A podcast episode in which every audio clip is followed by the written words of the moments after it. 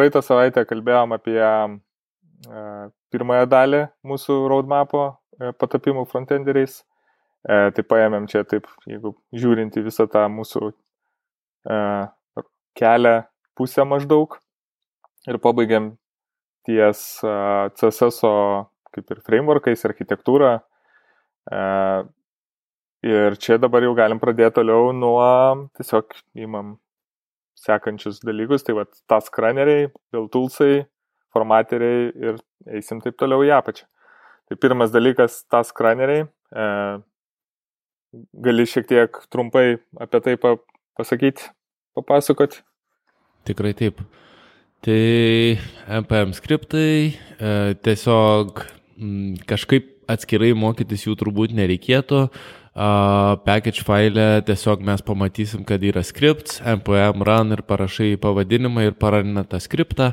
Tai iš esmės jie yra naudojami tam, kad nereiktų daug beletristikos rašyti. E, kartais galima kažkokį labai daug visokių komandų susirašyti, kokį nors npm start arba npm uh, run development ar server ar build ar kažką. Ir tiek. Um, tos verta gal senesnius paminėti, čia galpas dar yra Galba turbūt Kuris... dar užtiksim karts nuo karto. Jis biški su kitokia filosofija buvo parašytas, e, toks aiškesnis. Aš kažkaip galpa galbūt dėčiau iš vis prie Vepeko, nes man atrodo panašesnis. Jo, aš iš tikrųjų irgi, man vat, įdomus toks dalykas, kad aš netgi vat, ties Vepeko, kaip būtume pradėję kalbėti, aš būčiau netgi taip sakęs, ta, lygiai tą pačią mintį, kad vat, galpas, netgi tas, ne, kur tu sakai senesnis grantas, jie tokie yra realiai, nu, task manageriai, bet ir jie tuo pačiu atlikdavo ir tos module bandli, bandlinimus. Tai čia aišku, vėlgi e, daug žargono, daug e, žodžių ir terminologijos, bet iš esmės tai galpas, krantas, e, jeigu juos atskiriam kaip atskirus tokius dalykus, kaip task managerius, tai, nu ką jie darydavo, tai jie tiesiog padėdavo šiek tiek pagreitinti procesą, pasileisti, sakykime, kažkokį projektą. Mhm. Tu žinodavai, kad e, norint, kad tau susidėtų, sakykime, failai arba nuskaitytų failus nuo kažkurios vietos, ar kažkokį paleistų papildomą skriptą, ar ten gal kažką pakopijuotų prieš paleidžiant, tai vat, tokie kaip galpas, grantas, jie tą ir padarydavo, realiai surašydavo į tokias kaip uh, taisyklės, ką tas failas turi padaryti ir paleidus komandą, jisai tiesiog prieš paleidžiant kažkokį veiksmą, jisai padaro dar vat, tos visus e, skriptus paleidžia, taskus įvykdo. Tai vad Vepekas e, iš tikrųjų čia turbūt dabar yra didžiausias ir moderniausias e, iš e, šitų visų bandlerių ir task managerių, nes jis dabar apima ir daro turbūt viską. E, tai jis iš tikrųjų didelis, baisus, e, bet to pačiu ir labai galingas. Bet vėlgi tuo pačiu nėra galbūt ir pats greičiausias ir pats e, optimaliausias sprendimas, ką galvoji? Aš tai nežinau, aš tiesiog visada VPK naudoju, mes ką tik jau ir kalbėjom, kad tie du aš nelabai jų ir žinau. Uh, Jie turbūt kažkaip kitaip. Rolopą ir parcelę. Ja, rolopą ir par, parcelį. E, jie tikriausiai kažkaip kitaip sprendžia. Kur, kažkuris, sakė, yra bibliotekoms skirtas labiau, ne?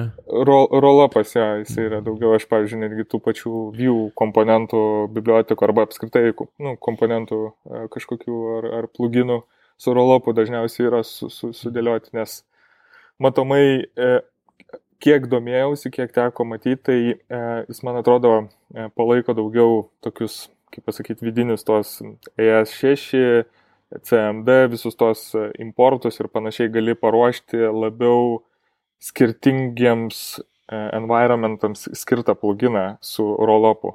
Jis e, toks labiau skirtas yra, vat, grinai paruošti, kad galėtum po to tą failiuką jau dėti į NPM, -ą iš ten jau siūstis ir jisai to veiks ant kokio tu nori, ar tai su naudu nori kažką pasileisti, ar nori per browserį, ar nori kažkur kitur. Tai vat. o parcelis tai jisai realiai e, irgi tas pats bandleris, e, ką jisai daro, tai jis tiesiog irgi e, šiek tiek greitesnis. Kiekviena komanda e, šitų bandlerių tiesiog įsivaizduoja, kad gali kažką kitaip padaryti, galbūt išlaužė tenais vidiniuose tose internal varikliuose kažkokius geresnius sprendimus ir, ir vien su kitu ten bando jie konkuruoti. tai apskritai, kas yra tas module bundleris ir kas tas, ne, module ir bundleriai, gali, gali pasakyti. Tai tiesiog e, visus tuos dalykus, kuriuos mes naudojam savo aplikacijai, čia jau turbūt labiau uh, single page application, o ne paprastiem puslapiam, bet ir uh, visai paprastiem reprezentaciniam esu naudojęs VPK irgi tiesiog, kad padėtų. Tai visus uh, CSS, SAS sutraukti vieną, importuoti nuotraukas, failus, uh, kešuoti, optimizuoti E, visokius tokius dalykus, kad iš esmės visas bibliotekas, pavyzdžiui, JavaScript susidėjus, kad išspjautų vieną failą ar, ar tą failą sukarpytą į kelis. Galbūt mes norim ne viską iš karto, ne visą JavaScript laudinto dalim, kad greičiau būtų, tai VPKas gali tuos dalykus padaryti. Ir šiaip mes čia daug kalbam apie jį, bet mokantis ir pačioj pradžioj mm, nereikia per daug parintis dėl VPK. Jis yra iš tikrųjų bent jau man tai atrodo sudėtingas ir kaip jau ir sakėm, toks black box magic yra. Tai... Jo, čia apie, apie jį atskirą temą visą gali daryti, tiesiog kalbėti apie FPP.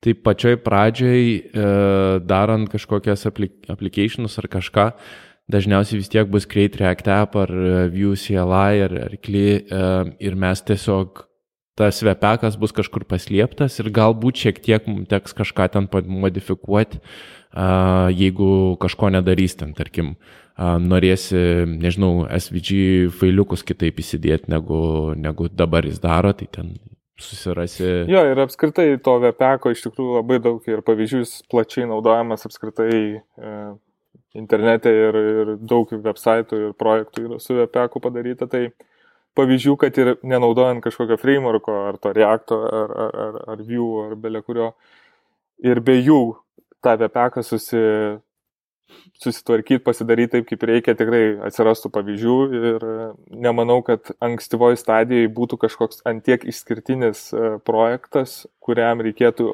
antiek išskirtinio vepeko konfiguracijos tokios. E, ir šiaip gal toks dar pointas, kodėl apskritai tų vepekų reikia e, šio laikinėse. Tu paminėjai jau kelis pointus, vienas iš jų, kad E, su, sutraukti viską į vieną vietą, kad e, galėtume krauti iš kelių failų. Tai e, browseris ir apskritai, nu, kai jis paleidinėja JavaScriptus, jisai nesupranta, e, kai tu nori padalinti kodą į skirtingus e, failiukus. VPK'as tą vat ir padaro, jisai viską, sakykime, sumala ir sudeda protingai ir, ir optimaliai į vieną failą behind the scenes. Tai tu VPK'as, ką jis labiau galbūt įgalina ne tiek, kiek tą, vat, kad tiesiog jis tą padaro, sudeda, nes, nu, ir pats rankomis tu gali į vieną failą, ne, susirašyti.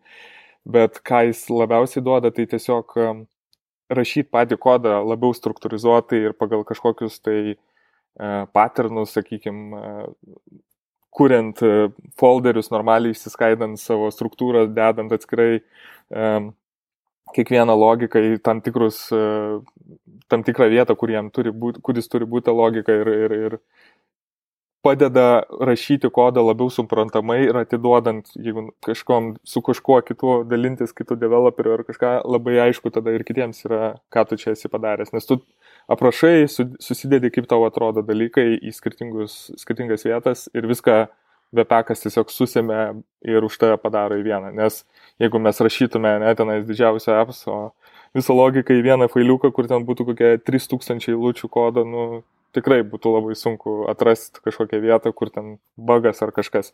Bet jeigu mes galim išskirstyti į šimtą failų po, sakykime, 10 eilučių, Tai tu gali tikrai atrasti tą failą, tą 10 minučių padebuginti ir susirasti. Tai vat, teko, va toks ir yra pagrindinis principas.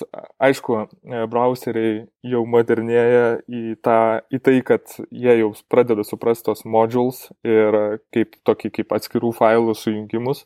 E, netgi galima, man atrodo, ten kaip script module pasidaryti kažkas panašiai. E, dabar aš dar pilnai pats irgi ne, nebuvau įsigilinęs į tai, bet jau e, yra prieš tai mūsų minėtas API'us pačio browserio, kaip galima tos e, JavaScript e, failiukus krauti be jokių vepekų, parcelių ar rollupų. Ir, na, nu, čia reikės, aišku, jau domėtis ir žiūrėtis ir, man atrodo, čia ateinanti, ateinantis dalykai ir ateitis ir matomai toks kaip vepekas galiausiai gali patapti netgi ir nebereikalingas e, kažkada. Bet kol kas tikrai jisai dar bus didelis playeris ir dar daug kur bus matomas. Gerai. Jo, e, kaip ir daug visokių dalykų, jie yra sukurti kažkokią užkamšyti bėdą, kurią mes turim ir išspręsti. Tai akivaizdu, kad jeigu nebebus tos bėdos, nebereiks vepeko. Taip. Bet dabar mano mėgiamiausia dalis - pritie. tai linteriai ir formateriai, kadangi aš, aš turbūt galiu pradėti ir, ir paskui pridėsiu. Pradėk, pradėk. Um, kadangi mes turim labai daug būdų tą patį JavaScript parašyti, atsiranda problema tokia, kad vienas kabletaškis deda, kitas nededa, vienas rašo super ilgas eilutės, kitas kiekvieną ten, nežinau, conditionalą, visi kitą eilutę rašo ir taip toliau, ir taip toliau, ir JavaScript tas pats failas ir tas pats parašymas skirtingų žmonių gali labai uh, nesutapti. Problema turbūt didžiausia yra ta, kad kai jau komitini į repozitoriją, į gitą, tada kai kurie dalykai, kurie galbūt nėra tikri kodo pasikeitimai, atrodo ir tokie triukšmą sukelia ir atrodo, kad kažkas pasikeitė, nors iš tikrųjų ten kažkaip kitaip parašė tą patį dalyką. Tai tie linteriai ir formateriai padeda šitą įspręsti. Pretty iš vis yra nuostabus dalykas, nes uh, net labai keista, kaip koks JavaScript communities, kur visokių visokiausio plauko veikėjų yra sugebėjo pritimač susitarti dėl vieno formato ir kaip ir standartas dabar yra patapęs. Aš turbūt e, pirmas daiktas, ką įsirašau, yra Prettier, pradėdamas projektą ir visada save e, ir format. Tai tas labai nice yra, o lintas, tai tiesiog jisai žiūri tokias mm, problematinės JavaScript vietas, kur galima prisigauti, bugų pasidaryti, ar, ar tiesiog nėra labai gera praktika ir jis, ir jis neleidžia tų dalykų daryti iš esmės. Tai... Ir dažniausiai mm. priteiri su linteriu, jie e, tokiam, kaip sakyt, collaborationė visą laiką būna, jie kartu vien su kito eina, nes Na čia jau yra grinai pačio developerio darbo aplinka, sakykim taip. Čia šitie visi dalykai niekas e, tiesiogiai klientui niekada nepasimatys ir klientui net neįdomu bus, ar tu turi tą eslintą, ar priterį, ar, ar, ar kažkokį kitą pluginą, kuris tau gerina pačio, patį darbą, bet e, čia taip, kaip tu ir pats minėjai, suvienodin kodą, e, išrankyti tokias žioplas galbūt klaidas, kai kurias pagauna ir tas pats linteris. E, ir čia va dar yra pažymėtas tas standard.js, tai čia toks kaip standartas pačio to JavaScript yra ne common.js, yra standard.js, tai čia yra e, taisyklių rinkiniai, galbūt e, tokio, tokie bendriniai. E, jie šiek tiek skiriasi, yra tų standartų ne vienas. E, standard.js galbūt vienas toks populiaresnių, sakyčiau. E, mes fotografiją irgi naudojam standard.js. Tai pavyzdžiui, čia standard.js toks dalykas kaip kabletaškio gale nedėti eilutės, e, tam tikri tarpai tarp funkcijos, e, sakykime, parametro ar kažkas panašiai, kažkokie kabutės, kliausteliai, pavyzdžiui, e, kad kabutės būtų ne dvigubos, o viengubos, ne tokie va dalykai. Tai čia standardžias šitos dalykus ir galiu užsirašyti, mes įdėsim linką, yra visas... Tai rašykis taip pat. visas listas yra, kuris viskas aprašyta, kaip yra good practices ir bad practices. E, tai iš tikrųjų viską va, taip tvarkanti savo tą environmentą, tai tiesiog e, susidedė, susidedė ne priterį, kuris tau ant kiekvieno užseivinimo failo sutvarko failus, sustumdo kodą ir padaro gerus tarpus. Eslintas e, randa visokius, kad, pavyzdžiui, importavai kažkokį failiuką, bet jo nepanaudoja, arba kažkokį kintamai irgi aprašiai, bet su juo nieko nedarai, tai tokie neleidžia šiukšlių visų rinktis tavo kodą ir kad, nu, nesimėtytų nesąmonė. Ir standardžės, tai tiesiog, vat, galbūt labiau su pritieriu kartu jie e, padeda ta, su, su, sutvarkyti visą kodą. Tai va. Mhm. Tai čia toks grinai environmentas tas. Tai jo. E, Irgi neverta mokytis, reikia tiesiog žinoti apie juos. Tikriausiai, kai jūs pradėsit kokį nors Create React app, paklaus, ar norit pritie turėti, ar norite eslintą turėti. a, verta juos turėti, nors jie yra annoying tokie, užknisantis dažnai yra, kur ten, a, čia kažko nepadariau ir, tipo, negaliu daryti, bet a, dažnai turėjau to fiksą, kur tiesiog iš karto tvarkomum nematant ir visi laimingi tada yra. Jo, iš tikrųjų, tie linteriai labai in your face būna, išmetinėja tokias didelės raudonas lentelės, bent jau naujausias, ir neleidžia nieko toliau netgi daryti, e, kol nesusitvarkai. Tai iš tikrųjų vėlgi, e, vienam dirbant gal ir ne per daugiausiai reikia, jeigu visiškai tingisi rašyti tvarkingai, bet čia yra gera praktika ir e, komandose be jų neįmanoma tiesiog kaip tu pats minėjai, jeigu skirtingai visi savo stilium pradėtų rašyti, nu, tai baisu pasidarytų, tai viens kitą pradėtum taisyti ne tose vietose, kur reikia taisyti ne bagus, o tiesiog stilių. Tai čia yra iš tikrųjų time wasteris labai didelis. Ja. Tai dabar jau turbūt reikėtų kažkokio drum roll ar kažko, nes e, jau išmokom karpyti dizainus prieitą savaitę Čia tiesiog aptariam dalykus, kurių kaip ir nereikia mokytis, bet reikia apie juos žinoti ir suprasti, ką jie daro. Ir iš esmės atėjom į tą vietą, kur jau norim tikri frontenderiai tapti ir, ir norim JavaScriptus mokėti ir uh, turim pasirinkti frameworką. Tai galvoju, gal mes tiesiog aptariam, kaip apraučina dalykus kiekvienas, kam jisai tikriausiai yra skirtas ir e, kokie geri ir blogi dalykai yra apie kiekvieną iš, e, iš tų frameworkų. Nes jie, jų yra gerokai daugiau, mes visi žinom, kad ten, kaip tu sakei, veidrodį pažiūri ir naujas ja. frameworkas. Bet. Um, šiaip dar va tokį greitą užbėgimą už akių. Mm, ta žodis frameworkas pats mane jis irgi labai ilgą laiką, kaip pasakyti, norėjau įsiaiškinti, ką tai iš tikrųjų reiškia. Ir pavyzdžiui, kaip ir yra klaidinga sakyti iš tikrųjų, kad Reactas yra frameworkas. Netgi nuėjęs į React.js e, website pagrindinį, ten rašo, kad yra library, kaip biblioteka.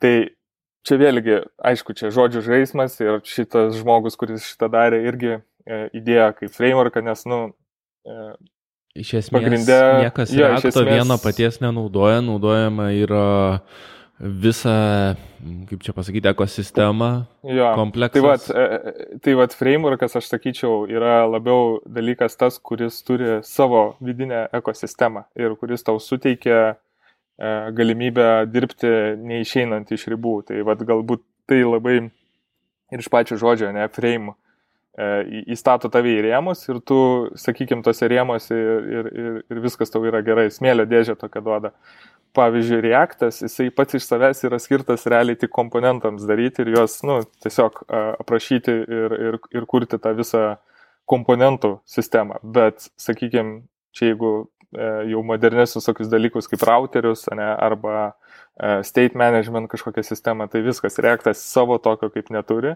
e, reikia iš karto jau eiti ir ieškoti kažko additional.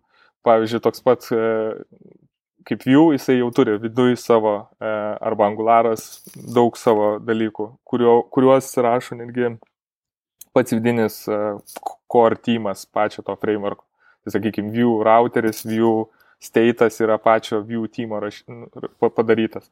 Tai, ką, tai reiškia, kad nu, viskas jau yra jų pačių ir jeigu kažkokie bugai ar kažkas ne, ne, nesutampa, tai jie patys ir spręs pats teamas.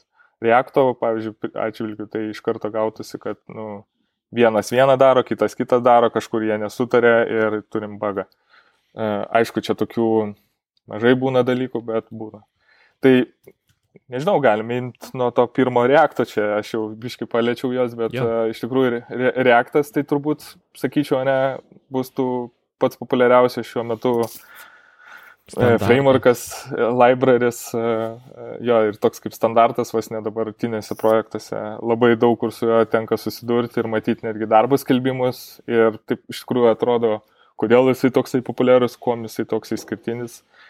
E, mes čia kažkada netgi su kolegom kalbėjom, kuo jisai čia gali būti toks išskirtinesnis. Tai galbūt dėl to, kad e, pats core teamas, kuris padarė, tai yra Facebookas, kaip sakant, bekina Facebookas didelė įmonė e, šitą visą projektą. E, jie pradžioje jį naudoja viduje, internalį ir po to, kaip sakant, padarė jį open source ir paleido visiems tokį kaip e, kaip sakyti, įrankį kurti greitesnius websaitus ir, ir, ir, ir jisai išpopuliarėjo labai, dėl to jisai turbūt vienas ankstesnių iš tokių modernių frameworkų, nes aišku, anksčiau dar buvo ir ten visokie backbone'ai, e, kas ten dar iš tų, ai, dar kažkoks iš B raidės atsimenu buvo, bet e, jie tokie senesnio biškių e, požiūrio galbūt, sakyčiau, e, tai va toks kaip reaktas, jisai labai tokia atnešė fresh start ir toks biški kitaip pažiūrėtai dalykus.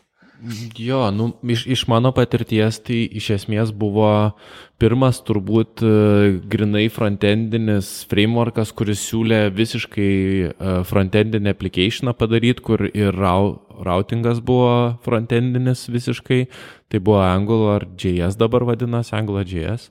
Routingas tai iš esmės, kai puslapį keiti į kitą puslapį, nueini ten, buvo į kodinu.lt ir tada nueini į kodinu.lt slash blogas ir į kitą rautą nueini į kitą puslapį.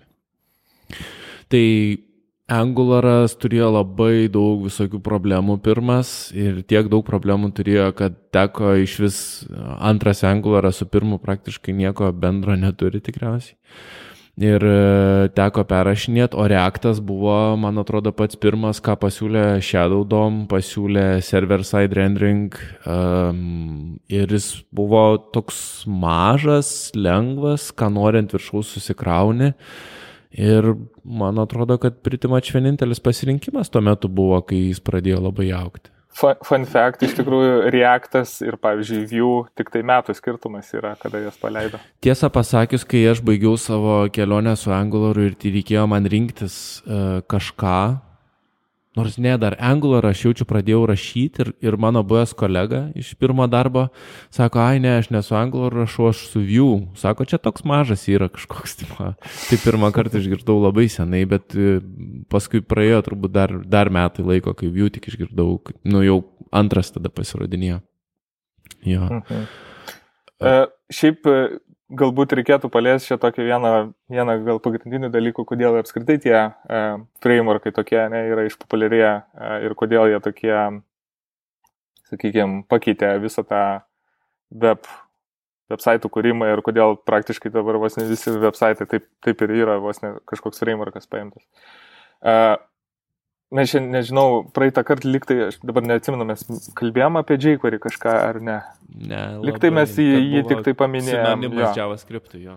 Ja, tai esmė, ne, tas e, jQuery jisai irgi buvo kaip uh, biblioteka skirta palengvinti uh, naudotis JavaScript, kai jisai nebuvo labai toksai friendly. Uh, daug visko reikėdavo, na, nu, kaip pasakyti, per aplinkui darytis arba daug visokių paslėptų funkcijų, kur taip neiškart aišku, tai vad jQuery toks kaip dalykas, jisai padėjo tą e, ištraukti biškai į paviršių labiau ir lengviau keisti ir manipuliuoti e, jau praeitoj mūsų temai minėtų domų, tai tuo mūsų e, visų HTML, kurį browseris, kaip sakant, pateikė e, ir leidžia prie jo kažką su juo dirbti per JavaScript.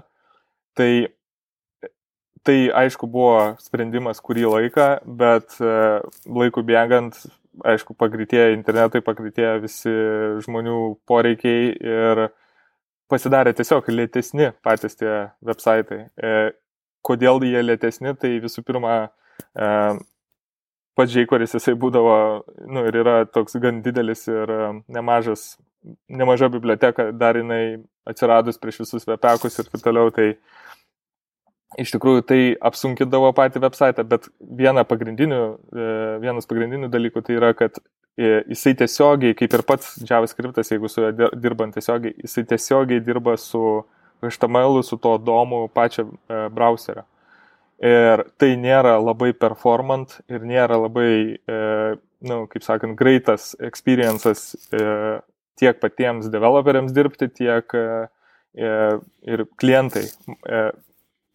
Iš tikrųjų gan lėtas e, palyginus e, visas renderinimas ir kaip viskas atsivaizduoja su native. Jeigu mes paimsim ir pakeisim ten keletą mygtukų ar išlistinsim kažkokį ten dalyką, tai, tai aišku, mums nepasiaus, nes mūsų ir kompiuteriai greitai ir taip toliau, bet jeigu mes pradedam daryti ir visą website, viskas yra manipuliuojama su JavaScript ir turi judėti, keistis, e, tai iš tikrųjų pasijaučia ir ant browserio tikrai pasimato, pradeda kažkas lietai, matos, kad frame rate'as krenta. Tai ką va šitie frameworkai introducina, tai tą vadinamą virtualų domą, kas reiškia, kad jie visą tą, dabar jeigu net pasižiūrėjus, ne, kažkokį reaktinį ar ten view ar angularo website, tai praktiškai index.js, e, index.html, jisai turi vieną kokį nors div elementą ir viskas.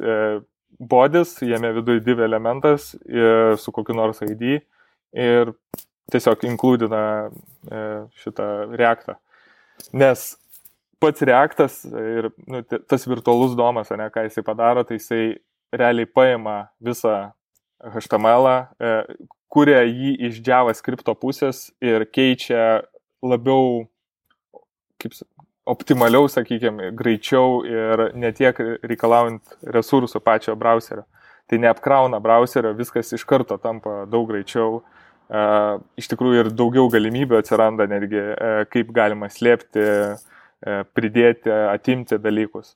Ir šitie frameworkai, jie dar vat, uždėjo tą tokių, ne tik vat, šitą virtualų domą ir virtualų tą manipuliavimo juo, bet ir daug įrankių, plus e, pats tas API labai patogus pasidarė. Ir, ir iš tikrųjų pakeisti tai, ką su paprastu JavaScript, netgi ir dabar moderniu JavaScript atrodytų, nu, užtrunka šiek tiek, kol tu pasiselektini, kol kažką pasiemi, kol kažką ištrini, e, su tokiu kaip Reacto ar ten View labai tas greitai vyksta, tiesiog keliais paspaudimais. Jo, tai tiesiog vis sudėtingesni tie puslapiai patapo ir e, tai, ką mes, tarkim, su Reaktu gaunam praktiškai uždyką kažkokiu eventų klausimą ar pasikeitimus ar kažką, su JavaScript reikėtų labai daug rašyti ir iš esmės tikriausiai vis rašydami tą JavaScriptą vis tiek mes ateitume į tą frameworko ar bent jau bibliotekos, kuri įdoma manipuliuos vietą, kur patys kažką pasirašytumėm, nenorėdami ten turėti kosmiškai didelio uh, JavaScriptą. E, su laidu biškiai atsargiau, nes labai jau ten traškinė. Bet dabar jau ne, bet anksčiau.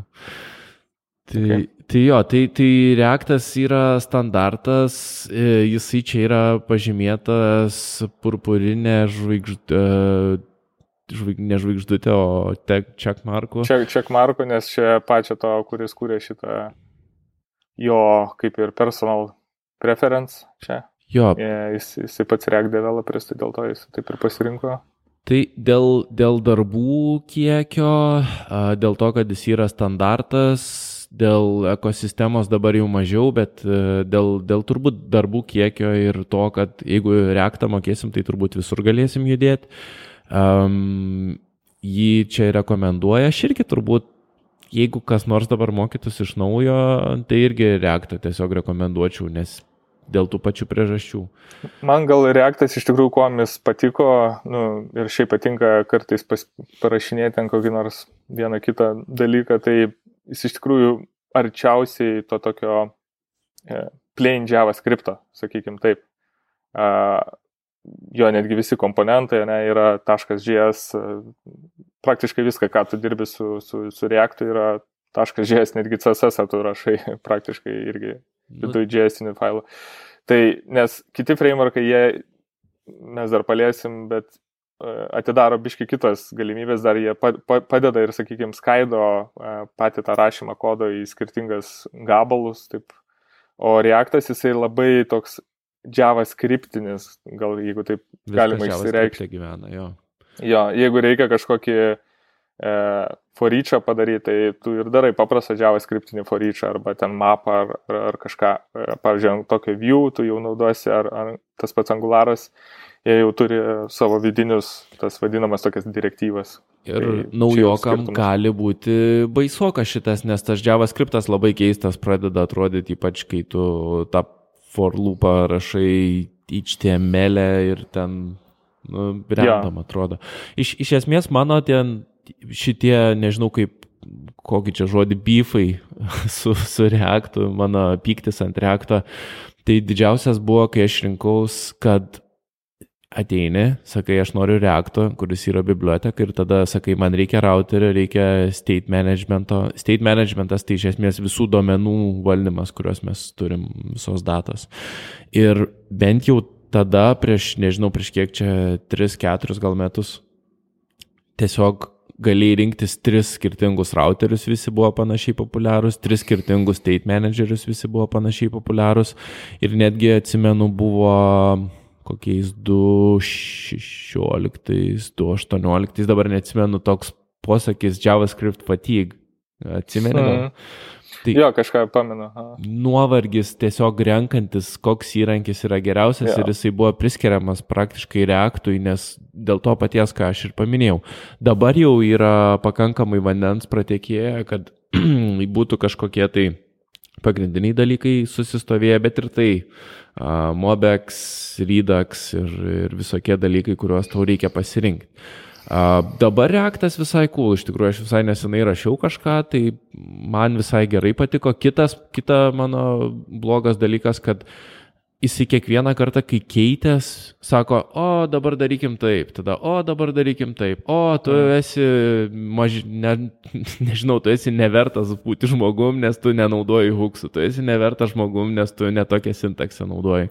Tai, tai tas man užkliuvinėjo, bet tarkim, huksai visai nice ir, ir malonu juos rašyti ir jeigu jie daugiau nebekaitalios, tai gal, gal ir visai nice. Dabar tie yeah. functional components, tai, na, visai, visai cool. Iš tikrųjų, čia gerą tokį pointą palėtį, kad čia vėlgi e, tas, kad jie tokie arčiau paprasto JavaScripto, e, sakykime, be jokio tokio, kaip čia paradigmos, tokios, kur visiems aišku, kaip rašyti reaktą, e, ką tai duoda, kad vėlgi atsiranda labai daug stilių pačio to reakto rašymo. Vieni vienaip nori, vieni kitaip daro ir vat, prasideda toks, e, atsidarai, atrodo, liktai mokytą reaktą, atsidarai kokį nors projektą ir nesupranti, kaip čia jis viską sujungia, nes tiesiog taip galima padaryti, bet tai nėra, pavyzdžiui, tau gal standartas arba apskritai nėra standartas. Tai e, jo, jis toks gan per daug laisvas. Iš vienos pusės gerai, nes tu galutinai padarysi tą, ką tu nori padaryti, nesvarbu kaip tu padarysi tą, e, bet vat, duoda tokį, kad tu gali išmokti kartais dalykus ne taip ir po to ateisi į komandą ir, pavyzdžiui, komanda visiškai kitų stilium rašo ir tau tada atrodys, liktai tu nu, viską moki. Tu gali padaryti React appsą, bet visiškai kitaip reikės rašyti jį ir, ir va, tas gali išmušti šiek tiek iš, iš vėžių. Ja, iš tikrųjų, Reactas toks. Aš netgi iš tikrųjų čia tokia, aišku, gal čia bus triggeret e, dalykas, bet neseniai netgi skaičiau ir iš tikrųjų su gan gerais argumentais, kad e, Reactas e, nėra labai enterprise level frameworkas. Ir čia, aišku, nesigilinsiu į tą, gal net reikės surasti irgi, užsirašau, kad reikia įdėti tą, ten mediumo buvo paustas, kaip atseit žmogus vos jo neatleido už tai, kad jis pasirinko Reactą enterprise levelio aplikacijai daryti, nes pradžioje atrodė viskas smagu ir gerai, bet laikų bėgant tiesiog atsirado, tai va, tas jau nebeišeina, tai jau tas bottleneckina ir taip vienas po kito dalyko, kol galiausiai kas kaltas, tas, kas pasirinko. Tai, va, nu, tai čia mora, mor... nemokėjo kažkokių gerų praktikų taikyti, ar ne visiškai suprato, kaip veikia, arba taip skripto nenaudoja, ar dar kažką. Arba čia tiesiog paprasčiausiai net, e, tam, tai aplikacijai netinkantis mhm. buvo įrankis apskritai, nes, nu, e, sakykime, vėlgi jo pasimetė galbūt stiliai, gal pasimetė kažkoks e, Viską, aišku, galima padaryti, netgi ir su to pačiu jQuery pilna enterprise yra, arba su plain JavaScript, bet uh, tiesiog, uh, nežinau, man, man jis irgi jis toks daugiau žaisliukas, jisai galingas žaisliukas, uh, matau, kaip uh, komandos tikrai rašo jį ir ne vieną codebase esu matęs didesnį ir mažesnį, bet nežinau, neįsimylėjau aš Reacto, jisai man patinka, jisai nieko blogo tikrai ir geras frameworkas, bet kažko dar man trūksta liktai. tai. Jo, apie state managerius. Ai, nu dar seniau reakto buvo, dabar gal jau mažiau, nors nežinau, ar čia aš pasikeičiau, ar, ar ten jie susitvarkė. A, nepasakyčiau, kad dokumentacija buvo labai aiški ir gera, iš tikrųjų buvo ganėtinai irgi paini Ir mhm. pavyzdžiui, su state manageriu, kai aš mokiausi turbūt irgi Reduxas ir Vuexas, tai Reduxo dokumentaciją perskaičius man nebuvo super aišku, kas ten daros. Bet tarkim, mhm. Vuexo dokumentaciją paskaičius aš perskaičiau ir išmokau Vuexą iš esmės. Paskui reikėjo... Nu, apskritai, sako, Vue ir tie visi Vue ekosistemas dokumentacijos vienas geriausių atseit rinkoje yra tikrai labai, labai viskas aišku. Ir ir gerai, ta prasme, rasti tiek pagal referenciją, jeigu tau reikia kažkokios temos, tiek pagal tiesiog eiliškumą besimokant sudėliota labai yra teisingai ir gerai. E, jo, iš tikrųjų, reaktų irgi pasitaisė, e, nes ne per seniausiai skaičiau, tai tikrai nu, eina rasti, bet nežinau dabar, ar čia yra teisinga taip spręsti, kai jau daugiau žinai apie apskritai framework. Mhm. Jeigu naujai reikėtų vat, nu, naujų akių, sakykime, kad pamatyt. Bet... Skaitom apie, einam apie Angularą kalbėtis?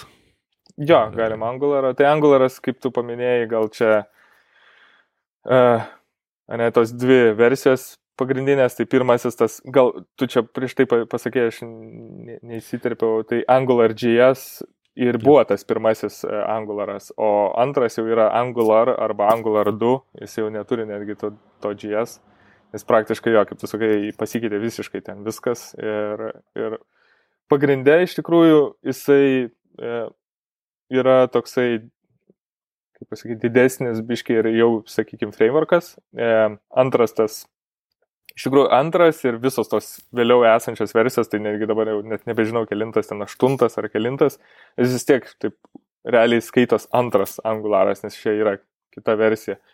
E, tai jisai labai yra e, glaudžiai susijęs su TypeScriptu, praktiškai viską reikia per TypeScripto prizmę e, daryti, e, kitaip ir ne, neišeina, tu negali sugalvoti, kad nori paprastai JavaScriptą daryti, ne, jisai jau yra built-in TypeScripto dalykas, tai čia vat, galbūt, e, ką paminėjom su Reactu, kad jau įgalina tave ir tu turi jau išmokti tam tikrą paterną, kaip rašyti su šito būtent toolsu, su Angularu. Um, Tai jo, jisai galbūt kuom skir, išskirtinesnis nuo Reacto dar, kad uh, jisai jau ne, ne per vieną failiuką viską daro, o turiu omeny, kad uh, HTML rašai atskirai jau HTML dalykuose, CSS vėlgi atskirai, JavaScript atskirai. Jau jisai skirstosi į tris failus, tokius sa, sa, savo paskirtį turinčius, kaip pavyzdžiui tas pats Reactas, jisai viską viename gali suplakti ir jisai viską suvalgo. Man toks jausmas apie Angularą tai yra, kad jis yra frontendo frameworkas skirtas backenderiam. Manau, kad backenderiai atėję į, į Angularą ir šiaip iš, iš visų trijų frameworkų frontendo, jeigu reikia backenderiam kažką padaryti, tai Angularė jie patogiausiai jaučias. Jis labai jaučias panašus į, į backendo didelius frameworkus, kur viską už tave daro. Ir jis viską daro, jisai pats savy turi uh, labai daug funkcionalumo, kur tau nereikia ieškoti iš aplinkui, tai tas yra ir gerai, ir blogai. Čia va dar, kai tu paminėjai e, backenderis, tai iš tikrųjų gan uh, patogu yra tiem, kas su C Sharpu, pavyzdžiui, programina, nes C Sharpas, tai yra TypeScriptas, yra paėmęs pavyzdį iš C Sharpo kaip tokios bibliotekos, nu, mhm. kalbos ir pasiemęs visus tos taipinimus, tai praktiškai sintaksė beveik netgi tokia pat gaunas. Tai vat, kas moka, tarkim, ten su kokiu .NET ar ten su kažkuo su C Sharpu susijusiu programuoja, tai jam tokį kaip frontendo framework Angularą pasimti, jam toks e, optionas iš tikrųjų geras. Aš net nežinau, dabar gal nepastebiu, bet seniau labai daug būdavo skelbimų, kur ateik dirbti Danskė, C Sharpą ir, ir, ir Angularą rašyti. Ir tai aš tai turbūt tenai seniorai ir parinkdavo šitą steką. Nu, tikriausiai jo, tai, tai C Sharpas bankė su Microsoftu viską rašai ir vargo nematai, o Angularas ir pritaikytas, kaip, taip pat kaip Vue yra labai broliauja su, su PHP Laraveliu, taip pat mhm. Angularas su, su to Microsoft'o, kaip ten .NET'as, MVC ar kaip vadinasi šitie dalykai. Ja. Ar uh, .NET Core dabar jaučiu. Jo, man, Na, tas duot net mano pyktis ant Angular, aš visada sakysiu, koks pyktis yra.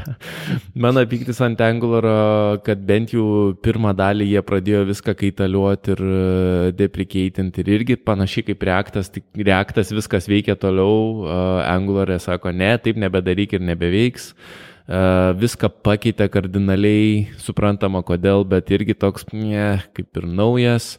Pirmas buvo labai populiarus, nes jis buvo pirmas, kur single page applications galėjai daryti, plus sakė, čia Google Hebra daro, taip pat kaip Reacto Facebooką. Yeah. Um, tai dėl to apie state managerius absoliučiai nieko negaliu pasakyti, nes tie akronimai matyti man, bet kuo ir kaip jie veikia, aš tik žinau, kad RxJS, man atrodo, kartai žmonės naudoja vanilą rašydami ar, ar kažkurį iš jų. Uh, tiesiog kaip state manager application. Jie ja, čia tie um, po vienu to žodžiu flux, kaip ten, man atrodo, fluxinės state managinimo sistemos, tos flux, dėl to tai X ant galo yra Redux, mhm. Mobix, uh, Nginx. Filosofija tą pačią naudoja. Jo, jo, jie praktiškai panašiai visi kažkiek turi skirtumų, bet turi savo panašumų. Tai netgi tą patį reduksą gali ant jų pajungti, jeigu tu nori. Nu, nėra jie priskirti būtent tiems mm. Uh, frameworkams, čia iš kur eina tos vat, linijos. Tiesiog geriausias ir populiariausias ir daugiausiai pavyzdžių rasi būtent tokioje kombinacijoje. Jo, nu tai Angularą turbūt verta būtų mokytis, jeigu nori eiti dirbti į Danskį. Taip labai. Ja, jisai, jisai tikrai nėra toks populiara, populiarus, e, netgi pagal GitHub'o Starsas gan gerokai atsilieka nuo reaktorių. Didelį korporatai. Bet aš galiu pasakyti, kad e, kadangi turiu AngularJS patirties ir LinkedIn esu užsirašęs, tai labai, e, labai rašinėja man visokie ateik pas mumis dirbti, e, ypač Vokietijoje turbūt jis populiarus yra, nes dažnai atvaryk į Berliną būna. Aš sakau, tai aš seną mokiaus, ar jūs nematot, sako, ne, vis tiek norėjau laimę pamėginti, po gal, galbūt mm. ir naują mokymą. Gal atsišvė, jau pasikeitė ja, ja, naujausią. Ja, ja. Sakau, ne, dabar ne, ne, nemoku anglaro visiškai. Ar NPM install padarė? tai, tai aš manau, kad anglaras turi, turi savo nišą ir yra stiprus ir tikrai yra daug darbų su juo, tik tai turbūt pagalvojus, kad jisai bus tikrai didelė, į didelį korporatą ateisi, kur ten bus turbūt kažkokia tai uh, verslo sistemų valdymo sistema, whatever ja. sistemų sistema, uh, kurioje ten darysi kažką ir, ir, ir tiek. Gal ne pats labiausiai exciting darbas, bet mm, ta, Atlieka Turbūt jisai čia tarptų trejulės yra, nes jie praktiškai metai po metų viens po kito taip pat atsirado ir jie ilgą laiką buvo tokie lyderiai ir, na, nu, tu sakai, vat, vieną bekina Facebooką, kitą bekina e, šitas Google'as, tai skirtingos didelės komandos juos labai išstumė į tą rinką, labai daug kas panaudojo, dėl to jie ir liko. Tokie, ir, bet, ir vat... plus jie turi kiekvienas, jisai labai aiškiai aiškę savo nišą turi, kam jis yra skirtas, tai yeah. Reaktas startupam ir visiems, Angularas dideliem korporitam, o dabar jau prie Vue prieinam, o Vue yra, aš sakyčiau, paprastiem pragmatiškiem žmonėm, kurie nesiparina dėl purizmo, JavaScript ir visų kitų dalykų, tiesiog nori atlikti darbą. Tai Vue.js pirmą pasakysiu, kas gerai apie jį turbūt. Tai man labiausiai patiko dokumentacija, ypač, ypač naujai pradėjus mokytis, tai a, toks jausmas, kad perskaitai dokumentaciją ir tu supranti, kas ten vyksta, labai mhm. paprastai žodžiais parašyta, labai user friendly. Ir dėl ko, kai aš rinkau tarp Reacto ir Vue, Angularą net nesvarščiau, tai Vue pasirinkau praktiškai dėl to uh, JavaScript fatigue, kad Vue turėjo ir routerį, ir state managerį iš tų pačių žmonių, tą patį dokumentaciją, žinai, kad viskas gerai veiks, nereikia su galvos rinktis, spręsti, kuris geresnis yra. Uh, dabar gal mažiau aktualų šitas yra, kaip jau kalbėjom, bet, bet irgi labai nice, kad, kad vis tiek tie patys žmonės viską daro. Ja. Ja. ja, čia grinai tas, kad, ja, Vue jisai man irgi personal best kol kas yra. Mes šį irgi ir fotografija buvo, atsimenu, sprendimas toksai, mes ten sėdėjom vieną dieną, tada neturėjom jokio frameworko, dar buvo, man atrodo, viskas su, su jQuery pilnai padaryta ir turėjom nuspręsti, kokį imsim. Tai aišku, tada, kai ėmėm View buvo new hot dalykas, tai galbūt tai biškai įtakojo. Bet jau antras buvo? E, jo, man atrodo, jau antras tik, tik, tik išėjo e, praktiškai iškart. Nes tas pirma versija View, man atrodo, jinai ilgai ir nebuvo. Jinai tokia kaip reprezentacinė, kaip demo atsirado vieta e, versija ir žmonės gal pradėjo ją naudotis, domėtis, bet tas va, domėjimasis ir naudojimasis įtakojo, kad labai greitai ta antra išėjo ir realiai ta antra ir yra tikroji view versija, nes netgi pasižiūrėjęs dokumentaciją to pirmo, galima iš tikrųjų rasti netgi e, tarp dokumentacijos pirmo sintaksę ir kaip dalykai ten daryti, tai numatęs, kad ten toks buvo dar prototipas ir pasižaidimas. Tai kas yra įdomu iš tikrųjų, kad tai vieno žmogaus initially padarytas frameworkas. E, iš tikrųjų matos labai daug e, pavyzdžių iš Angularo paimtų, e, tos pačios direktyvos. Tai aš netgi sakyčiau, kad Vue yra toks vaikas tarp Angularo ir Reacto. E, paėmė iš jų abiejų geriausius dalykus ir pasiemė, pasidėjo pas save. Grinai turi savų niuansų, tokių, kurie tenais tik Vue skirti dalykai, bet labai daug yra panašumų iš Angular ir Reacto. Todėl iš tikrųjų, vat, išmokus kažkurį vieną iš tų frameworkų, jau taip giliau išmokus, nebėra taip sunku šokinėti į kitą, nes principas ir konceptas praktiškai vos ne tas pats gaunas. E, suprasti galbūt tiesiog pačią tą vidinę ekosistemą ir kaip viskas veikia, bet e, e, pats to frameworko, kaip jisai su juo dirbti, tai labai e, yra nu, panašu. Tai va, tai Vue, jo, jis iš tikrųjų e, modernus, didelis, pagal Gitstarus yra didesnis už Reaktą. Uh, jo, ir nežinau, man patinka communities, patinka toksai, kaip ir tu minėjai, ir apskritai kažkaip, nežinau. Dabar Vue 3 uh, jau ne už kalnų yra tas toks jau, kaip pasakyti, uh, oficialus, oficialus jau išleidimas, jau jis yra, uh, jau rinkoje sukas, bet dar nėra pilnai, pilnai paleistas, kaip jau uh, pilnai jau stabili versija, e, dar nėra parašti ir pluginai, nėra dar pilnai dokumentacija, galbūt išpildyta, e, netgi tie Vue DevToolsai nėra iki galo dar padaryti. Tai, bet jau sakė, šitam pirmam, atrodo, ketvirtį šių metų jau turėtų tas trečias. Tai vėlgi, tas trečias Vue vėl atnešė labai daug tokių pasikeitimų, dalykų, fiksų ir, ir, ir iš tikrųjų labai laukiu, kada galėsiu pradėti naudoti produkšinę jau. Jo, mano vienintelis turbūt ir pats didžiausias tas neigiamas e, jų aspektas yra, kad uh, tikrai gali būti sunku darbą rasti. Um, mhm. Yra tam tikra grupė žmonių, kurie tą paprastumą vertina turbūt ir jie renkas view, bet turbūt užburtas ratas yra, kad uh, view nesirenka dėl to, kad developerių galbūt sunkiau rasti, galbūt yra šiek tiek tokio elitizmo, kad jeigu tu esi šustras developeris, tai tu tikrai reaktą mokysies, o ne view, nes view yra dizaineriams ja. skirtas ten CSS daryti. Um, kai iš kitos pusės view, nu nežinau, um, Jisai man yra stiprus, jisai ir su juo gali jo. tą patį enterprise daryti, gali ir tą patį startupą lengvą pasidaryti. Galbūt, labai... galbūt dar uh, kartais gali pamatyti jų uh, nežmoniškai didelius tuo template'ų failus, view gerokai yra sunkiau išekstraktinti, bent jau toks jausmas yra, kad gerokai sunkiau išekstraktinti mažas dalelytės, kur reaktė tu gali vos ne batoną išskaidyti daug mažų elementų, kur ten batono kažkoks bus, e, nežinau, e, ikona, tekstas ir visus tuos mažais komponentais susilipdai, kur view jau taip gal ir nedarysi ir dažnai. Jo, e, tu gali daryti, tai puikiai gali padaryti, bet tiesiog netaip atrodo obvious tas iš mhm. pirmo žvilgsnio. Mhm. Tu rašai liktai, va čia ir žiūri, kad jau išsipūtęs tau tas template'as yra. Jo, iš tikrųjų, view gal toks uh, E, biški kitas jo rašymo būdas ir lemia tai, kad jisai biški toks, e, bet iš tikrųjų Vue netgi gali JSX rašyti, kas irgi yra įdomu. E, tai, tai praktiškai gali pasidaryti pra, jo. beveik vos ne reaktą, kaip reaktą.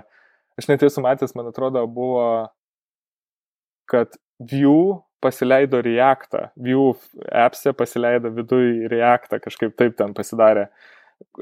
Template'us Reacto turbūt susidėjo. E, neatsimenu, kas ten buvo, kuris kurį pasileido, iš dabar galvoju. Esmė, kad buvo ten toks bairis, kad uh, pakurtas vos nepilnas appsas uh, jų, o viduje sukasi reaktų ten komponentai ir kažkas tokio. Nu, mhm. Žodžiu, padarė tokį gerą mišinį, miksą. Bet ten, aišku, jau hakai tokių dalykų nieks nedaro. Uh, tai jo, iš tikrųjų, view toks, kaip tu sakai, gerai gali biškai atrodyti didesnis, didesni komponentai, sunkiau gal sugaudyti. Ir labai gerą tą pointą irgi paminėjai, kad uh, Lietuvoje, kadangi, nu, apskritai Lietuvoje ir apskritai pasaulyje, uh, jo, reaktas yra toks populiarus, tai gaunas taip, kad jo, tu nelabai ne, ne verta mokintis atrodyto view, nes, nu, darbą bus sunkiau rasti ir, ir iš tikrųjų taip yra, jų tikrai maž, mažesnė paklausa yra view developerių. Uh, Ir gaunas, kad tiesiog ir įmonės tada nebesirenka jų, nes nu, tiesiog nėra rinkoje tiek daug tų žmonių. Tai vat... Reiktų dar, aš nežinau, ar, ar tai vis dar tiesa, bet pradžioj uh, man pasirodė jų labai gudra turėjo marketingo strategiją. Kadangi uh, kuriejas laisvai kalba ir rašo kiniškai, aš nežinau jo tautybės, bet uh, akivaizdu. Kinėtis yra, net, nu, kaip pats kinėtis, jis puikiai kiniškai ir viską, bet jis tiesiog Amerikoje jo. jau kaip ne, nationality. Tai didelė, didelė šalis Kinija yra ir Kinijoje view adoptionas yra pats didžiausias ir iš pradžių bent jau e, ir marketingai ir visur buvo, kad mumis naudoja Alibaba gal kokią nors, ar ja, WeChat, ja, ja. ar ten kaž, taip, kažkas taip, iš, iš, iš kinų uh, didelių tų uh, tech kompanijų. Ir ir tas, tas kiekis, tas populiarumas iš esmės didelė dalim atėjo iš, iš kiniškos e, auditorijos, kuri, ne, nu, Kinijoje tų darbą turbūt nesusirasi, e, gali važiuoti Kiniją, bet ta prasme labai labai didelė dalis populiarumo buvo pardavinėjama, kaip jis visam pasaulyje yra populiarus, kai iš tikrųjų mhm. buvo tik tai Kinijoje. Ir dėl to nors ir atrodo, kad jisai turi daugiausia žvaigždučių GitHub'e, nors ir atrodo, kad jisai super populiarus ir downloadų daug turi, iš tikrųjų jis yra daug, daug mažesnis. Ne, nežinau, ar tai vis dar tiesa yra, bet bent jau seniau buvo, jis yra daug mažesnis negu pasirodytų užmetus į akį. Tai va tą reiktų įvertinti. O turbūt pabaigai aš sakyčiau, kad kaip pagrindinio frameworko karjerai lipdyti, gal ir nereiktų rinktis, bet tikrai verta būtų kažkokį projektuką padaryti, bent jau perskaityti dokumentaciją ir aš manau, kad perskaitant jų dokumentaciją ir kažką su juo sulibdant, bus daug, daug lengviau perprasti reaktą. Jeigu, tarkim, būtų sunku reaktą suvokti, kaip ten veikia, kaip kas, ypač su state mhm. managementu, nes kaip ir tu sakei, fluxas ar ta pati filosofija, kur mes um, realiai jokių side efektų nedarom ir naudojam tokį kaip uh, nežinau, kaip e, functional programming daugiau, kur tiesiog naują objektą užkalam ant viršaus. Tai va tuos dalykus suprast labai Vuexas padėtų. Bent, bent jau mano toks experiences buvo, kad aš Vuexą paskaičiau ir tada Reduxas tapo clear ir aišku, kas ten daro. Jo, man, man asmeniškai irgi iš tikrųjų e, labiau suprantamas Vuexas negu Reduxas yra. Mm. Tiesiog pagal sintaksį ir kaip naudojamas man tiesiog asmeniškai yra aiškiau, netgi jau e, su patirtim žiūrint į tą reduksą, vis tiek toks kartais būna, why, kodėl čia tai padaryta ir kodėl kartais atrodytų net overheadas kai kuriuose vietose ir per daug ten visko primalt. Vyksas atrodo biški toks paprastesnis, aiškesnis, toks out of the box. Uh, yeah. Nu, tai dar apibendrinam apie frameworkus ar kaip mes čia. Uh, galim tokį honorable mention dar, kaip sakant, pasakyti, kurie dar yra pora, tai nu, iš tokių didesnių dar Emberis, ne, Ember.js yra toksai frameworkas. Šiaip naujas žaidėjas e, irgi Svelte atsiradęs yra. E, netgi jisai sako, kaip tenais jisai netgi ne frameworkas, nu jis frameworkas, bet e, kaip jie save ten irgi marketina, kad atsėti jau ten kibernetiškai paenhancintas uh, JavaScript jau Nu, ten, jo, ten haką. netgi. Jo, nes jie dar kitokį iš tikrųjų būdą, kaip daryti tą virtualų domą ir apskritai visus dalykus pasidarė. Tai jie ant greičio ir visų tų performansų kažkiek dar išeina į priekį, dar aukščiau, bet čia vėlgi čia. Tik, tikriausia, mokantis nereiktų kreipdėmėsi į tuos, nes daug bus blizgučių, Jo. daug bus distractionų. Um, aš įsivaizduoju su tokiais dalykais uh, patekusi komanda, kur kažkas naudoja tokį dalyką, uh, verta užsimti, arba jeigu mes tikrai žinom, kad tas frameworkas ar tas įrankis uh, daug geriau išspręs problemą, kurią mes turim. O šitą tikriausiai, a, aš dabar asmeniškai, kad ir kiek jau nu, kažkiek turiu tos patirties, aš dažnai nesijaučiu pakankamai uh, daug žinantis ar stiprus, kad suvokčiau, kuris iš įrankių geriau išspręs kažkokią problemą. Aš dažniau įrankius renkuos pagal populiarumą, uh, adoptioną ir pagal tai, kaip aš jaučiuosi juos naudodamas ir kaip Mhm. greitai jie man padeda kažkokį tai dalyką padaryti. Nu, kas irgi Jo. iš, iš dalies yra tas pats, bet Populiarumas lemia tai, kad tiesiog daugiau rasi Stack Overflow ir panašių resursų, jeigu kažkur pastriksi. Tai pasiemus kažkokį tikrai mažą frameworką, nu, gali pastrikti vietą ir tiesiog nieks iki to dar arba nedaėja, arba nerandi. Tarp kitko, mano tokiu- experiences su Vue toks buvo. Aš atsimenu, O kurioje vietoje strigai? Tu aš tau viską paaiškins. aš atsimenu, reikėjo testus rašyti, unit, paprasčiausiai unit testus. Ir viskas, viskas, kas buvo internete, buvo linktinė, aš dabar neatsimenu, slide deck, slide share, kažkoks linktinas nupirko šitą, buvo 10 slaidų, kuriuose parodyta, kaip užsimautint ir užsimokint komponentą. Ir viskas.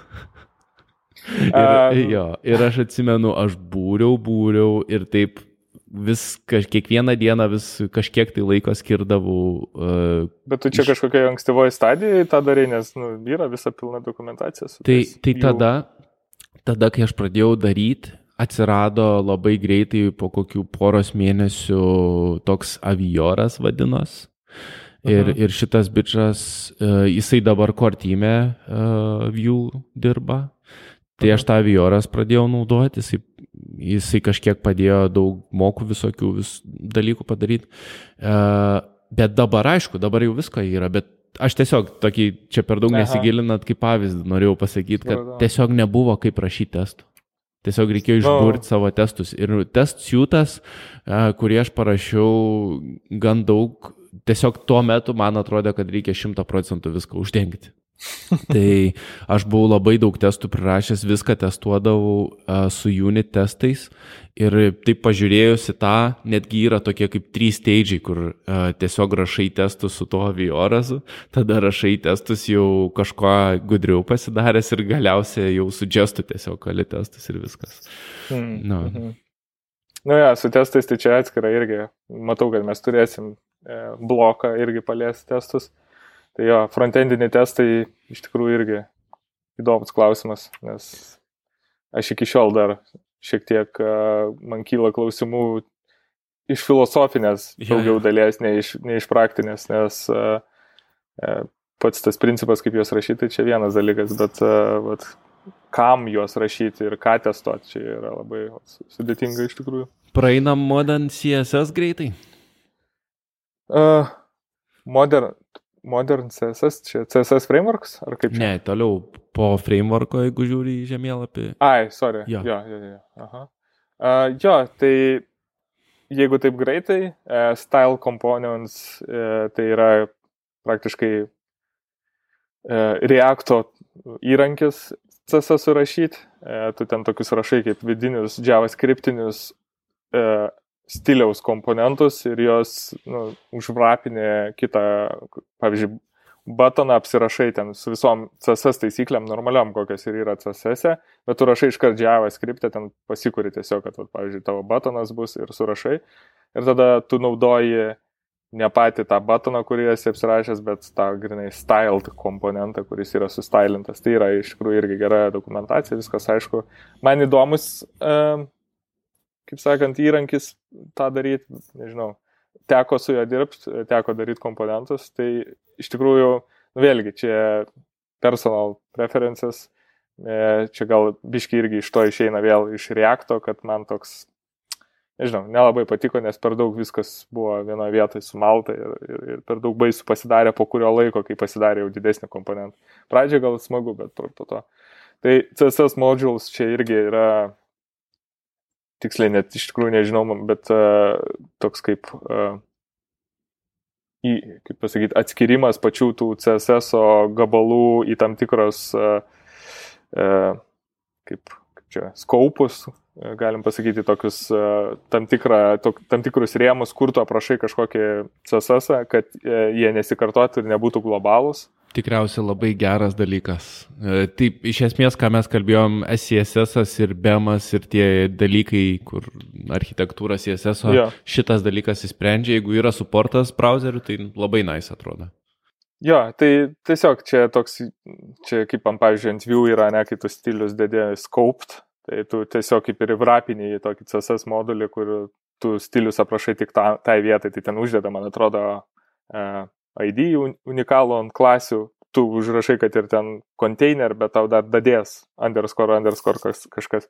Ir šitas CSS. Bet man atrodo, čia jau irgi yra susijęs su VPEC ir visom konfiguracijom. Aš įsivaizduoju, aš ties turiu prisipažinti, kad apie šituos dalykus, kur čia surašyti, esu kažką veikli girdėjęs, emotion nesu girdėjęs, radium nesu girdėjęs, glamorous nesu girdėjęs. Um, tikriausiai čia irgi yra tie dalykai, apie kuriuos reiktų biški pasiskaityti, pažiūrėti ir tada tipo, judėti toliau ir jeigu darbė reikės, tai išmoksi tuos dalykus. Jeigu visi naudos, bus labai lengva išmokti. Ir čia bendra yra taisyklė dažnai. Tas visas roadmapas atrodo labai sunkus, bet iš esmės tai ateidami į komandą mes rasim, kad kai kuriuos iš tų dalykų žmonės naudoja ir tiesiog natūraliai, organiškai mes juos išmoksim, matydami pavyzdžius, kažkada kažką biški pamodifinsim, pažiūrėsim, bus kažkur kodė precedentas jau padarytas, mes jį nusikopijuosim ir, ir, ir daug, daug greičiau išmoksim, negu tiesiog ateidami ir sakydami, o aš dabar turiu išmokti pepekas, kaip veikia ir kaip tu išmoksi. Ne, ne, čia taip, jeigu kiekvieną elementą step by step mokintis atskirai kaip dalyką, tai tikrai čia būtų per daug tiesiog jų visumą ir galbūt čia labai gerai yra tiesiog pasiskaityti, žinoti tą keywordą, ne, nes e, vien jau ir, ir interviu einant, ir darant kažkokį portfolio ar kažką, nu, jeigu kažkas paklaustų, jau būsi girdėjęs tą dalyką, o ne tau pirmą kartą girdimas. E, tokie kaip aišku, va čia frameworkai kaip Emotionas. Emotionas tai man atrodo labai panašu į style komponentus, jis tiesiog senesnis dalykas. E, irgi ten toks CSS avraperis e, praktiškai reaktui. Style JSX irgi, manau, tas pats, o tie kiti du pilki, tai, nu, jeigu jie jau pilki, tai turbūt jau ir nebėra tokie, manau, populiarūs. E, aš irgi juos pirmą kartą girdžiu. Tai jo, čia tas modernus, čia jau, iš tikrųjų tas modernus CSS, tai jau čia netgi einantis kartu su frameworkais ir plus e, jau praeinantis pro visokius tos e, bandlerius, vepekus ir taip toliau, jau ne, ne, ne, labai nerankom ra, rašomas, kaip sakant, taip paprastai, bet jau kažkas tai įbiški pakeis, pamodifikuos, kad įgalins rašyti šitos būtent tą modernų CSS, kaip pagalbininkai mhm. kažkaip. Ką manai apie CSS frameworkus dar kaverinam šį kartą? Iš tikrųjų, ne, užsikalbėjom jo, su, su šitais frameworkais. Na, nu, aš taip ir įsivaizdavau, iš tikrųjų, kad mhm. bus labai didelis dalykas. Tai nežinau, iš tikrųjų, ar, ar ką verinam, mes čia jau kaip ir valandykė turim mane. Jo. Mm. Aš manau, kad iš jų kiekvieno dar būtų ką pašnekėti ir tikrai mm. aš turiu dar minčių ties, e, matau, tolimesniais tais gabaliukais, nesinori įsiplėsti iki labai mm. negaliu. Galim iš tikrųjų dar vieną tokį vertical slice daryti, ne? Ties nu, CSS frameworkais. Tikriausiai jo. Šiaip sėsi. Gal ki... Mhm. bus žmonių, kur sakys, ah, ne, man norėjau, ne, norėjau tą, kad dar palėsiu bus trepą, reiks laukti savaitės. Ai, kaip nors.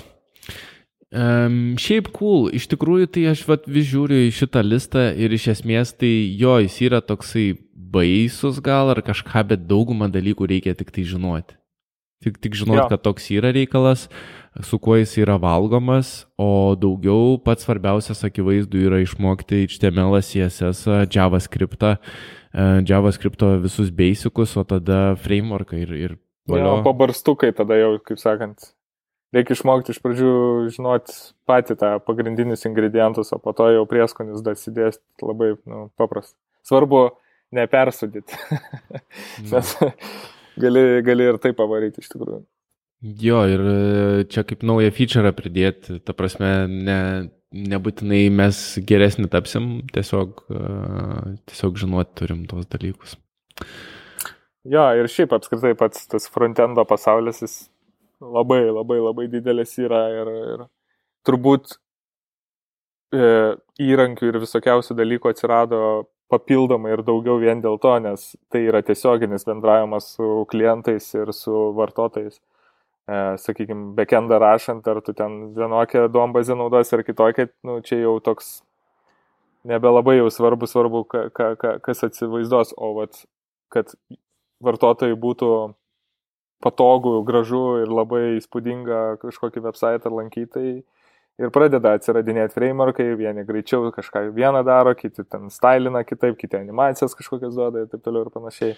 Ar, ar, ir, ir kad tai viskas būtų labai patogu tiek pačiam developeriui, tai vat, dėl to jisai toks ir išpūstas. Jo, reiktų suprasti dar e, kelis dalykus, kad naršyklių palaikymas yra visą laiką judantis toks taikinys, nes mhm. ką mes pradėdami programuoti bijodavom daryti, dabar darom ir ne, nesukam savo galvos. Uh, visos naršyklės skirtingai veikia, tai tie frameworkai ir įrankiai ir, ir visokie dalykai prigalvoti iš esmės sprendžia problemas, kaip ir kalbėjom, tas pats VPEKas. Tiesiog JavaScriptas nesugeba kažkokių dalykų daryti, tam reikia VPEKo, kad patvarkytų. Mm, CSS nesugeba kaž, kažko daryti, tam kažkas sugalvoja kažkokį įrankį, nes sugalvoti įrankį yra daug greičiau negu pasakyti, kiek ten yra penkios pagrindinės ar keturios naršyklės, kad, ei, davai visi pasidarykim ir visi pasidarykim vienodai. Nes dažnai, ja. pavyzdžiui, koks Google'as pušina kokį nors feature, Apple sako, ap juos ne, nedarysim ir viskas. Ir kodėl ja. mes ne, neturim progressive web application, uh, progressive web application, kas yra labai nice. Ir labai super, jeigu tu turi Androidą, tu gali turėti appsą praktiškai iš internetinio puslapio, bet nieks jų nedaro, nes turės tik Androido useriai. No. Tai va, tai, tai, tai tas yra keista. Um, ir kai pagra, pagaliau kažkoks konsensusas atsiranda ir visi sako, nu gerai, gerai, pasidarykim kažką, tada tie įrankiai atkrenta pabiški, tada sako, gal galim dar kažką geriau padaryti. Ir čia yra tokia judantis taikinys, kai tuo tarpu backendai iš esmės um, tas programavimas jisai aišku, nušautų mane kažkas, jeigu pasakyčiau, kad nesikeičia, bet iš esmės tu visą, tu kontroliuoji absoliučiai visus elementus, tu kontroliuoji serverį, kokią mesi, tu kontroliuoji kalbos versiją, tu kontroliuoji, nežinau, duomenų bazę, kokią naudoji ir, ir visus, visus dalykus tu gali kontroliuoti ir dėl to iš esmės, e, nu, netokia kaip čia pasakyti, netokia atšiauri ta, ta aplinka yra ir dėl to nėra tiek daug visokių dalykų. Ir tie, tie JavaScript frameworkai jie randas ne, nebe priežasties, jie tiesiog bando kažkokį tai dalyką išspręsti, kur, kur skauda kažką. Jo, jo, grinai. Ja. Tikrai čia nėra kažkoks, kad mes čia, o, tie padarė, tai mes čia norim dar geriau. Netgi iš tikrųjų, pavyzdžiui, tas pati Reactas su Vue community ir apskritai komandos, jos labai glaudžiai dirba. Ir ne vieną, pavyzdžiui, netgi girdėjau uh, nu, variantą, kada jie netgi viens kitam padėdavo išspręsti kažkokias problemas, pavyzdžiui, ir tie ir tie nori turėti kažkokį panašų dalyką, tai va susėda tie jau protingiausi, išprotingiausių ir, ir, ir randa kažkokį sprendimą ir ne tai, kad slepia, o mes pasidarėm, dabar jie net nesužinos, kaip mes pasidarėm. Visų pirma, aišku, tai yra open source dalykai. Ja, O kitas dalykas, nu, tai tiesiog pagreitina ir pagerina patį visą community ir kaip visi dalykai eina į priekį. Ir jeigu tu čia slėpsi ir darysi kažką tik savo, tai, nu, ir sėdėsi tik savo tame. O visi bendrai bando dabar nuspręsti ir padaryti kiek įmanoma kažkokį standartą, kad būtų kuo, kuo labiau patogu ir, ir lengva daryti viską. Tai va. Tai cool, tai tikriausiai šiandienai tiek. Jo, dėja, dėja, kas, kas laukia uh, CSS framework ir toliau. Čia taip netikėtai nukirpsim, no. bet uh, iš tikrųjų bus įdomiai ir kitai, kitam pokalbiui uh, pasižiūrėti, pakalbėsim dar apie dalykus ir turbūt užbaigsim jau šitą roadmapą. Ir, ir, ir, ir Darysim QA. Jo, iš tikrųjų, Q&A būtų, būtų fun. E, iš tikrųjų, norėčiau daugiau atsakinėti į kažkokius vat, tokius gyvenimiškus, sakykime, su programavimu susijusius klausimus. Ne šiaip gyvenimiškus klausimus.